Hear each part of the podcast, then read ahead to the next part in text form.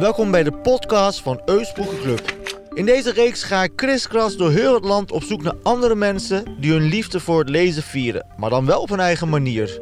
Ik kom langs boekenclubs, natuurlijk. Ja, de bedoeling was dat iedereen zwijgend binnen zou komen omdat het boek Zwijgmannen is. Dus we wilden als zwijgvrouwen beginnen, maar dat lukte niet. Ik ga langs signeertafels. Ik spreek met Tommy Wieringa, mijn collega. Samen gaan we reflecteren op de schrijverswereld en alles daaromheen. De eerste keer dat ik een boekenweekgeschenk las met de hele diepe wens om er zelf heen te schrijven, dat was het boekenweekgeschenk van uh, Leon de Winter. Want laten we niet vergeten dat Leon de Winter ooit schrijver was.